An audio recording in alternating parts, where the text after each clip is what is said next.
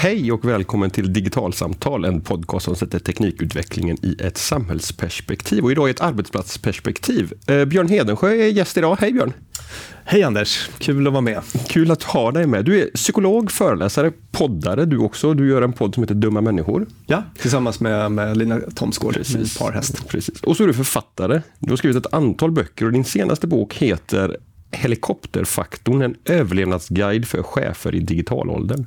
Stämmer. Och där kommer vi in på kopplingen till, till den här podden. Då. Vi har inte haft jättemånga avsnitt som handlar om, om eh, arbetslivet och digitaliseringen, men det här mm. blir en sån. Det ska bli kul.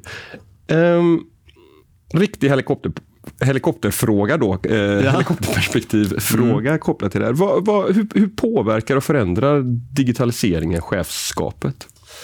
Eh, egentligen på flera olika sätt. Både liksom relaterat till verksamheten och till, till chefen som person.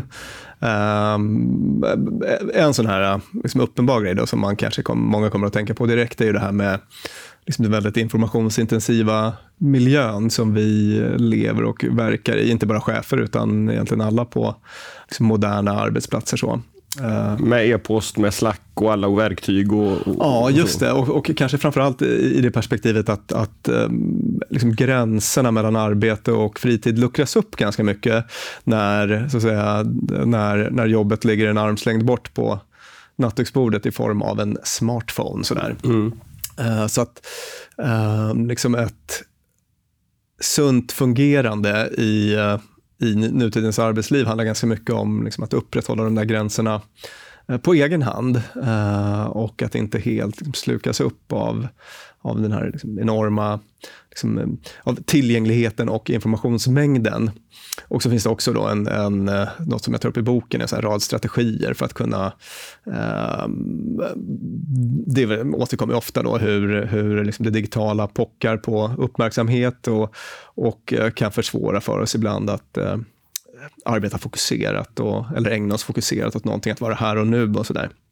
Så att eh, tar upp ganska mycket sånt i boken då, hur man som, som, som chef eller som anställd eh, någonstans eh, eller i arbetslivet kan bättre kan eh, fokusera sin uppmärksamhet.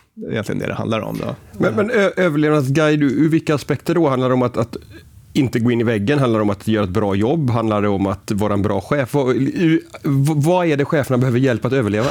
All of the above faktiskt. Okay. Eh, den, är, den, är, den, är själv, den är baserad på mina år som chef. Eh, jag har varit chef eh, i små och stora organisationer i ett decennium eller så innan jag sadlade om och blev psykolog. Och Det här är lite grann den boken jag själv hade, hade velat ha. Och Det var just sådana liksom, väldigt digitaliserade och informationsintensiva miljöer.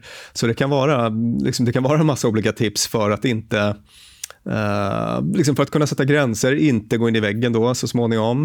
Uh, vad är det, 76 tips tror jag att jag har, eh, liksom inom en mängd olika uh, områden av, av liksom arbetsliv och ledarskap.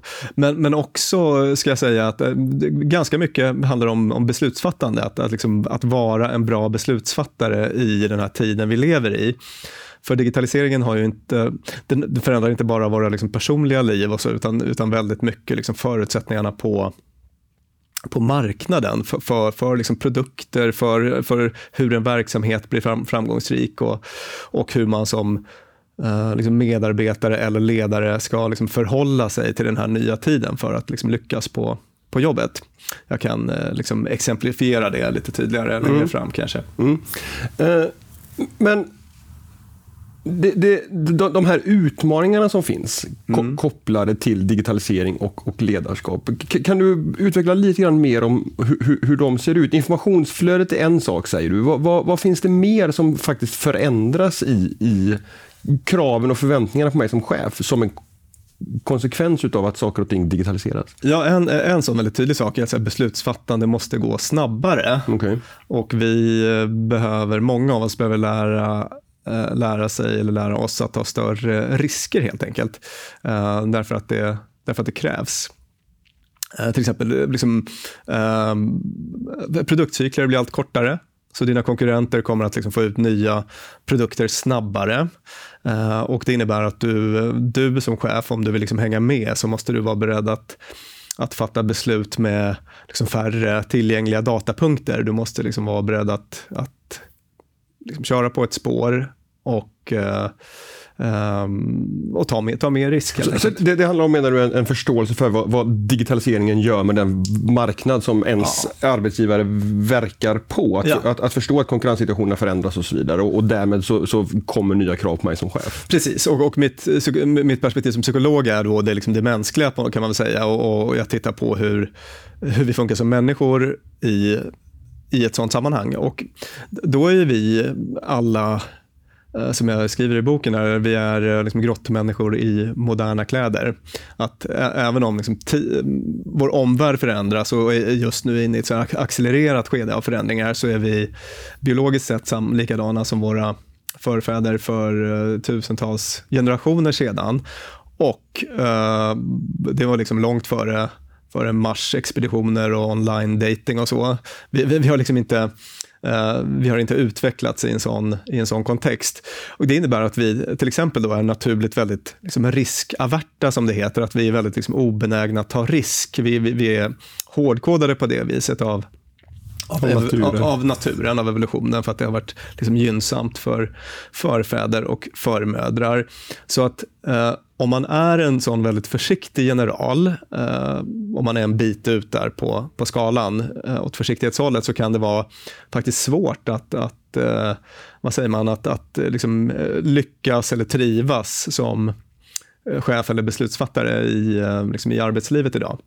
Det här tycker jag är superintressant för att, för att när jag eh, i, i, mitt jobb som journalist skriver om digitalisering på olika sätt mm. så, så, är ju det här med ett, ett snabba, en, en, en en snabbare utveckling, en, en, snabbare förändringstakt, någonting som alltid återkommer oavsett om jag skriver om, om hur det ser ut i offentlig sektor eller på, för etablerade företag eller för, för, för startup-bolag. Eh, Men då pratar man ju ganska ofta, eller i, i de intervjuer som jag gör så kommer man ofta in i det här ur ett, ur ett system och organisationsperspektiv och pratar om att det här företaget måste bli mer snabbrörligt eller det här, den här eh, myndigheten eller den här eh, socialtjänsten måste bli mer snabbrörlig. Men, men, men det pratas sällan om att vilka, vilka krav som faktiskt ställs på de medarbetarna, de cheferna som ska stå för det här snabbrörliga. Nej, precis.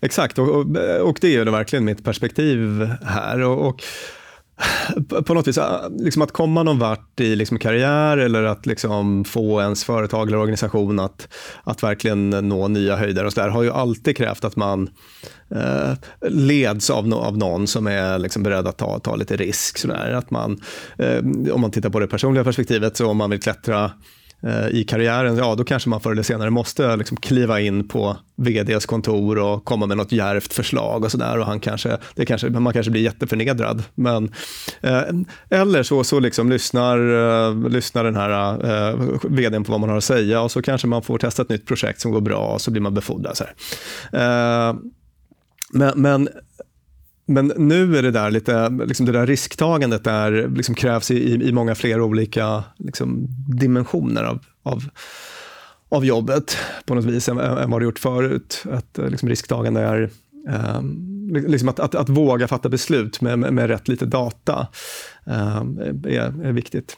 Jag, jag, tänker också en, en, sak som, som har hänt i takt med att digitaliseringen både eh, liksom blir en samhällsförändrande kraft som det, som det har blivit, mm. men också, inte, också syns i alla företag. Det är att backar man 10-15 år så kanske man kunde tänka sig att det här var saker och ting som chefer i ett, i ett teknikutvecklande organisation ja. behöver förhålla sig till. Mm. Men så är det ju inte längre, utan det här på, alltså de här verktygen som du pratar om som utsätter cheferna för, och medarbetarna för, för ett ökat informationsflöde, de finns i alla typer av organisationer Precis. idag. Och den här förändringskraften som digitaliseringen har på samhället, den finns också i alla organisationer ja. idag. Så det här är ju inte någonting som, som, går att avgränsa till att ja, men, teknikbolag och icke-teknikbolag har det, att det där, det där är ju en jätteviktig poäng. Då, då. Eh, precis det, det, är precis det du säger, att man, man i liksom tekniktunga organisationer så har man ju länge haft det här liksom iterativa eh, förhållningssättet och man, man, ser misslyckanden som, eh, som ett sätt att lära sig och så justerar man, försöker igen och, och utvecklar produkter på det, på det viset. Eh, men så har det inte alls varit i liksom andra sektorer och så. Och går man tillbaka liksom 10-15 år så tänkte man nog att den här liksom digitala omvandlingen var något, exakt så som du säger, någonting som bara skulle beröra en, en liten del av av samhället eller näringslivet. Men, men, men, nu på senare år har det blivit tydligt att det finns ingen sektor eller bransch som undgår som undgår förändring. Nej. Och, eh, och samtidigt har ju inte det här liksom, iterativa eller lite mer liksom riskvilliga, försöka göra fel tankesättet spridit sig eh, så mycket som det borde. Men, men jag tänker att den, den bilden som du målar upp, som man som chef idag befinner sig i, den är otroligt komplex. För dels ska du förstå och kunna hantera alla de här nya verktygen som, som, du använder istället för penna och papper och telefon. Ja. Samtidigt som du ska ha en förståelse för vad digitalisering som, som kraft är. Att du, mm. att du har att förhålla dig till, en, till någonting nytt, både i, i väldigt konkret i, i det arbete som du bedriver när du sitter själv på ditt kontor ja. och också i liksom, organisationens, verksamhetens syfte överhuvudtaget. Yes, och, och dessutom så måste du förhålla dig till, liksom, till dig själv som individ i det här. Liksom, hur, hur mår du? Hur mår du mitt i allt det här? Um, det, det, är många, många chefer som beskriver liksom, i det här digitala tidevarvet hur de liksom upplever att, särskilt sådana med personalansvar, att de upplever att de har en 24 timmars jour mm. på något vis. För, att det, det, är alltid någon som är det är alltid något sms från någon medarbetare som har varit med om något och sådär, att man är så ständigt nåbar. Och, och sen det här andra som du, som du beskriver då.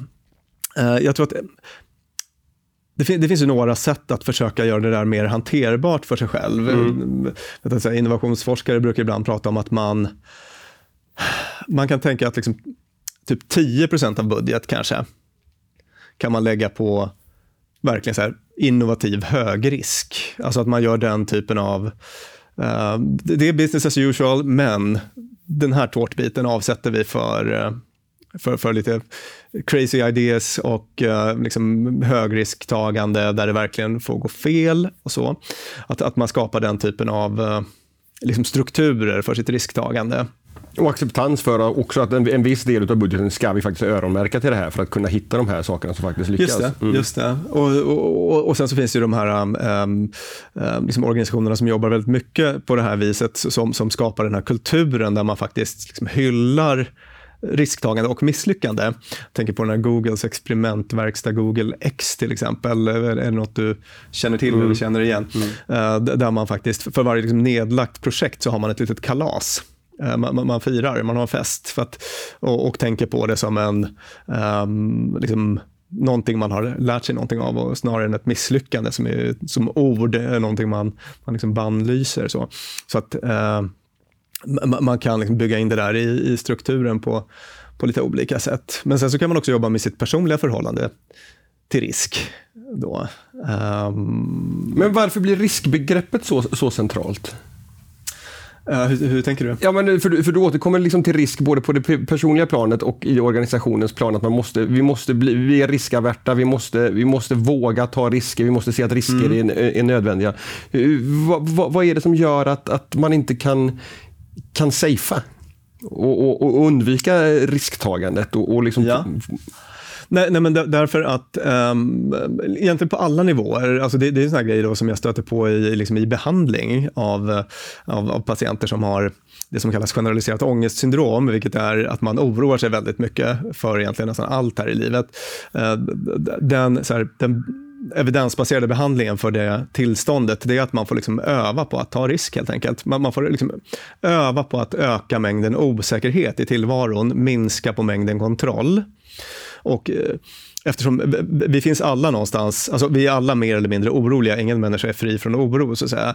Eh, och en del har så mycket oro så att de trillar över den här gränsen för, för diagnos. Men även de av oss som inte har en diagnos, eh, som, som kanske skulle behöva liksom jobba med vårt förhållande till risk, kan öva liksom privat på det sättet att man Eh, liksom små så här, mikrobeteendeexperiment, till exempel. Jag oroar mig väldigt mycket för om jag ska hinna i tid till det där mötet som jag ska ta bilen till ikväll. Ja, men då kan man pröva att, att, att köra dit utan GPS. Uh, ehm, alltså den, den, typen av små, små övningar för att uh, liksom öka mängden osäkerhet i sitt, i sitt, liv och se vad som händer. Då kan man liksom öva upp lite grann sin förmåga till, till risktagande. Uh, nu, nu, nu, har ja, jag, hur, nu, har jag glömt bort vad din fråga nej, var. Ja, men, följdfrågan ut, ja. utifrån det som du berättar nu, blir, hur, hur blir jag en bättre chef? Ja. B både liksom för, för, mig själv och för organisationen och mina medarbetare, om jag är mer riskbenägen? Ja, uh, alltså det, det, är inte, det, det, är inte säkert att du blir en bättre chef i relation till dina medarbetare. Uh, men du blir liksom sannolikt en Ja, jag menar man kan ju vara för riskbenägen också såklart. Absolut. Mm. Det, har vi sett många, mm. det har vi sett många exempel på. Ledare i näringslivet som har gamblat bort företagets resurser på olika sätt och så. Så att det, det är inte riktigt det jag är ute efter här. Men, men jag, jag tror att det är nog ett större problem med så att säga, ett underskott av, av risktagande idag som kan yttra sig på lite olika sätt. Ett är, till exempel, vi vet ju då att i digitaliseringen så är liksom produktcyklerna mycket kortare än produktlivscyklerna. Eh, det går snabbare, eh, liksom dina konkurrenter kommer få ut nya grejer snabbare. Du, du behöver ha lite speed i processen. Eh, och en grej som chefer som har ett väldigt stort behov av kontroll gör är att de ägnar sig åt micromanagement. Vilket ju är förödande, det vill säga de lägger sig i det som teamen i företaget pysslar med på, på, på liksom extrem detaljnivå. Och det är värdelöst på så många olika sätt. Dels finns det inget mer effektivt sätt att döda arbetsglädjen hos folk. Eh, det är bara att gå till sig själv och eh, jag vet inte om du har varit med om det till exempel någon gång att du har lagat middag till din partner eller tänkt laga middag till din partner, någon sån här mysig dejt hemma och eh, liksom, eh, hon eller han börjar liksom lägga sig väldigt mycket i din din matlagning. Så här, men ska du, inte, liksom, ska du inte slänga i rödlöken nu? Så här.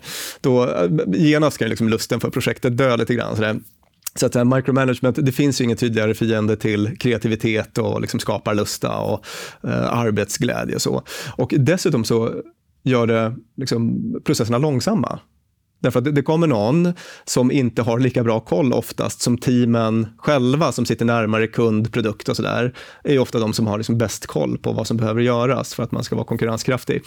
Så att eh, det är, sån, det är ett område där man kan liksom Släpp kontrollen, det blir lite större upplevd risk, du släpper teamen fria, men de kommer att göra ett, ett bättre jobb och öka din konkurrenskraft och ni kommer få ut produkter fortare och sådär. Så att det tycker jag är ett väldigt konkret område där, där man kan se att, att eh, liksom, lite större risktagande ger, ger, ger bra effekt. Och, men där tänker jag kanske att nyckelord är för du säger upplevd risk. Är, är det inte snarare så att genom att ta ett kliv tillbaka som, som chef i ett mm. sånt läge, att man faktiskt minskar risken för organisationen för att man lägger ansvaret på de som ja. har förmågan att, att utföra jobbet bra, medan jag som chef inte, det är inte där jag har min expertkompetens. Exakt, exakt. Upplevd risk. Det är jättebra faktiskt att du, eh, att du eh, högg dig fast i det uttrycket, för att det är väldigt mycket upplevd risk det handlar om. Det finns en en, studie som jag tycker otroligt mycket om, som jag tycker säger otroligt mycket om oss som människor. Det var en forskare, han var på Yale då, han heter Robert Leahy och han kollade på hur hur mycket av det som folk oroar sig för som faktiskt inträffar. Så han kollade liksom hur mycket inträffar på tre månaders sikt, hur mycket inträffar på sex månaders sikt, eller hur han nu la upp den här studien. Uh, och så fick folk skriva ner att om, om tre månader tror jag att det här kommer att ha hänt och det här kommer att ha hänt. Och det var folk var så oroliga över så mycket grejer. Och sen följde han upp hur det hade gått då. Hur gick det med de där sakerna du oroade dig för? Vad tror, vad, vad tror du? Hur mycket av det här hade inträffat? Ehm, ja, alltså Frågan är bevisligen upplagd för att det inte är särskilt mycket. Jag, jag, jag, så kallad retorisk fråga. ja, men säg, ja. Säg, säg, säg, säg, varannan sak som man oroar sig för inträffar 85 procent av det som folk in, um, oroade sig för inträffade aldrig. Nej, okay. 85 procent. Mm. Uh, av de här 15 procenten som faktiskt inträffade, där visade det sig att i uh, 70 procent av fallen, eller 70, närmare 80 procent av fallen var det faktiskt, så gick det bättre att hantera problemen som uppstod än vad folk trodde. Mm, så att det okay. var liksom en försvinnande liten del som gick så illa eller värre än vad folk hade trott. Och det, är, det, det här visar bara hur liksom riskaverta vi är. Liksom, den här upplevda risken är, är liksom inte verklig. Ja, just det. Och det, det, det är därför jag liksom tipsade nyss om de här, så här beteendeexperimenten. Att man kan liksom, uh, ge sig ut i verkligheten, testa saker som man tror, om jag gör så kommer det gå åt skogen. Testa, se vad som händer. Uh, till exempel, uh, fan, det där projektet, jag tror verkligen på det, men, men alltså, jag törs inte gå in till chefen, jag kommer bara göra bort mig, jag kommer sitta och hånskratta. Ja, det är vad du tror. Gå, gå in till chefen och testa den hypotesen. Mm. Se vad som händer. Uh, nej, oftast, oftast så blir det inte så illa som vi tror och om det går fel så går det nästan alltid bättre att hantera mm. liksom de följdverkningar som blir än vad man, än vad man trodde. Det, det, låter som det här, en, en, variant på det klassiska rådet om att, att, att föreställa dig vad som är det värsta som kan hända och så inser man att nej, inte ens när man tänker ut, vad, som, när man börjar konkretisera sin oro så inser man att nej, det är inte sannolikt att, att, att Just det, det är en sån grej som kallas mullvadstekniken då, okay. i, eh, på psykologspråk. Att man, eh, den, är, den är faktiskt väldigt bra. Jag brukar, jag brukar till och med köra den på mig själv. Ja. Uh, vad är det värsta som kan hända? Ja, men då händer, det, då händer det och det. Okej, okay, då händer det och det. Och vad är det värsta som kan hända då? Uh, ja, men då kan det bli si eller så. Okej, okay, då händer det och vad är det värsta som kan hända då? Och så fortsätter man så där tills man liksom kommer, man borrar, därav det här mullvad, man borrar sig neråt och det brukar sluta med att det faktiskt inte är så jäkla farligt det man kommer fram till och då kan man köra på. Mm. Men jag, jag, tänker någonstans att de cheferna vi har pratat om så här långt mm. är någon slags mellannivås chefer. Mm. Och har de åtminstone varit i mitt huvud. Ja. Mm. Men, men liksom om, om, man tänker liksom från, från, från högsta ledningsnivå i en, i en organisation, oavsett om det är näringsliv, ja. eller, hur, hur, hur, hur, bör man tänka liksom om du är hög chef mm. för att ge dina lägre chefer förutsättningar att hantera den här situationen som vi har pratat om? Just det, eh, det är då att eh, skapa en kultur som är präglad av det som brukar kallas eh, psykologisk trygghet. Det finns en Harvard-forskare som har liksom, vad säger man, konceptualiserat det begreppet. Att man kan liksom mäta hur hög grad av psykologisk trygghet det finns i en organisation. Hon heter Amy Edmondson. Jag rekommenderar varmt hennes, hennes bok som heter The Fearless Organization, där hon skriver om det här i kulturer som är psykologiskt trygga så är det liksom okej okay att göra fel. Eh, man kan alltid fråga saker utan att uh, på något vis stigmatiseras för det. Det är liksom ett öppet och tillåtande klimat. Därmed inte sagt att det är ett klimat där man inte har ansvarsutkrävande när folk uh, ställer till det rejält. Ställer till det rejält och så. Det, det ska man absolut ha, men, men att, det, att det finns en liksom en, en, en, öppenhet för, för misstag och, och, och uh, man, man behöver liksom inte riskera att förödmjukas, hånas uh, och så. Uh, är det du nämnde från Google ett exempel på det? Ja, liksom, där, där, det här, att man faktiskt in, inte, att man lyfter fram det som i andra organisationer skulle kallas för ett misslyckande ja. som ett, ett, en, ett lärande som har gått i mål. Nu ja. vet vi att så här kan man inte göra den här saken, nu testar Exakt. vi nästa sätt. Precis. Och faktum är att just den här psykologiska tryggheten som då är mätbar, man kan mäta med enkäter och se vad folk svarar. Uh, Google gjorde ett femårigt projekt som, som kallades Projekt Aristoteles, där mm. man tittade på uh, vad som gjorde um, vissa team mer framgångsrika än andra. Och när de stötte på det här begreppet psykologisk trygghet och kollade upp det, så, så, så fann man att det var den faktor som faktiskt vägde allra tyngst när man tittar på prestation i olika team. Så, att, så att det här är inte bara något som får folk att, på arbetsplatsen att må bättre och som gör det till en allmänt trevligare arbetsplats, utan det är också något som verkligen syns på sista raden, då, som vd brukar säga, att, att det liksom återspeglas i, i resultat och, och output. Och när man tänker på det, det är inte så himla konstigt faktiskt. Alltså i en organisation där folk kan påtala fel till exempel, utan att brännmärkas för det, det är väl klart att det är en fantastisk konkurrensfördel. Uh, och omvänt, i en organisation där folk inte vågar säga när det är fel, ja då blir det som i Nokia eller som i Volkswagen med den här uh, utsläppsskandalen eller, ja det finns talrika exempel på organisationer där folk har varit uh, egentligen för skraja. Alltså folk ser att det här vi pysslar med nu är, tar oss åt pipsvängen, men det är liksom ingen som vågar säga till. Mm.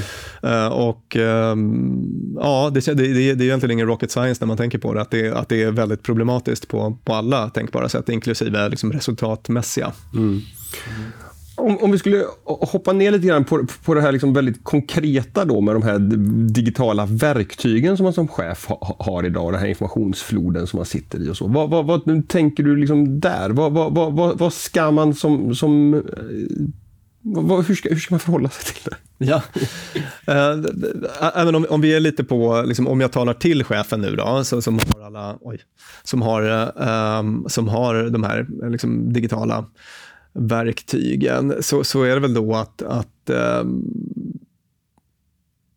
ett, liksom steg ett är väl att vara, vara väldigt eh, uppmärksam på hur det påverkar ens liksom, uppmärksamhet.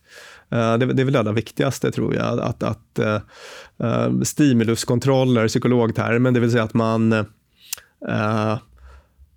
ser till att inte ha en eh, liksom, telefon som surrar och blinkar på mötesbordet för att det kommer att ta fokus från, från mötet. Uh, men de här, de här klassiska råden som handlar om att stänga av notifieringar, sätta telefonen i flygplansläge och så vidare för att kunna hålla fokus på det som du förväntas hålla fokus. Allt det där, ja precis. Så, så att det, det är väl inte heller någon, någon raketforskning då kanske, men, men eh, nog så viktigt ändå. Men, men det finns ändå liksom vetenskapliga belägg för att, att det, här, det är dåligt för oss att, att ha alla de här stimulerna som, som pockar på vår uppmärksamhet i, i arbetsvardagen hela tiden. Ja, det, det, finns ju vetenskaplig evidens för att det stör, eh, alltså det, det, det, tar, det tar fokus och så här, ifrån oss Eh, liksom inklusive med studier som visar att, att uh, liksom te telefoner som ligger en bit bort och liksom blinkar och sådär kan, kan det kräver liksom en liten reboot av det man höll på att tänka på.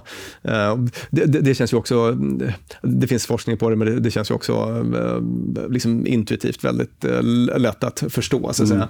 att, det, att det är på det sättet. Um, så, så, så, så, det är ju en sån tanke, men, men sen så är det klart att det finns ju Eh, Eh, det finns sådana enorma uppsidor med, med det också, de digitala verktygen och det tror jag att alla lyssnare här känner igen med liksom chattverktyg och, och så som, som kan vara väldigt användbara i, men, men, men, samtidigt är det sällan, alltså jag upplever ju precis det du säger, att, att det är väldigt mycket, jag kan sitta i Vänersborg och ha kontakt med mina redaktörer och mina uppdragsgivare runt mm. om hela landet liksom utan problem. Men, men det, samtidigt är det så här, de rubrikerna man ser mm. om det handlar ofta om, om, om de, de negativa sidorna, att det orsakar stress och så, och så vidare. Var, varför tror du att det är så? Varför pratar vi så lite om, om faktiskt de, de goda sidorna i de här digitala verktygen? Jag tror att det har att göra med det här, äh, den här grottmänniskan i moderna kläder som vi pratade om, som är äh, orienterad mot hot, risk och det är ju det som gör att nyhetsrapporter rapporteringen ser ut som den gör överhuvudtaget. Mm. På, på en gata där jag bodde förut eh, finns det en tidning som heter eh, typ Goda nyheter eller Good Time News eller något åt det hållet. Och i alla år så deras lokaler har aldrig expanderat. Det verkar inte finnas någon jättestor efterfrågan på, på den typen av nyheter faktiskt, trots vad folk folk uttrycker ofta en önskan om positiva nyheter. Det vore kul att läsa mer och sådär. Men, men, men om, om, man tittar på beteende så det som, det som drar till sig uh, blickar uh, är, är rubriker som, som varnar för, för hot och risk. Mm. Och det har att göra med att vi liksom är är just grottmänniskor i moderna mm. kläder hårdkodade för att vara uppmärksamma på den typen av information. Och den, um, jag tror att det är så enkelt faktiskt. Mm. Du, du, var själv inne på att, att många chefer vittnar om att de har någon slags 24-7-jour. Det är alltid någon som smsar och mejlar och så, och så ja. vidare. Om, om, man vänder på det, i, vilken utsträckning har, har, har chefen ett, ett ansvar för att se till att medarbetarna inte upplever att de förväntas själva vara tillgängliga för att svara på ett mejl vid nio tiden på kvällen eller ett sms klockan 6.30 på morgonen och så vidare? Eh, eh, stort ansvar tycker jag. Mm. Eh, jag tycker man kan, liksom, om, om, om du gör det idag så låt det bli helt mm. enkelt. och om det inte är någon typ av organisation där det på något vis ingår Absolut. såklart. Sådana finns ju också. Sådana mm. finns också. Men, men gå till dig själv på något vis och, och eh, fundera på hur det skulle kännas om du bombarderades med, med mejl när du låg vid poolkanten och försökte slappna av lite. Det, det är inte svårare än så.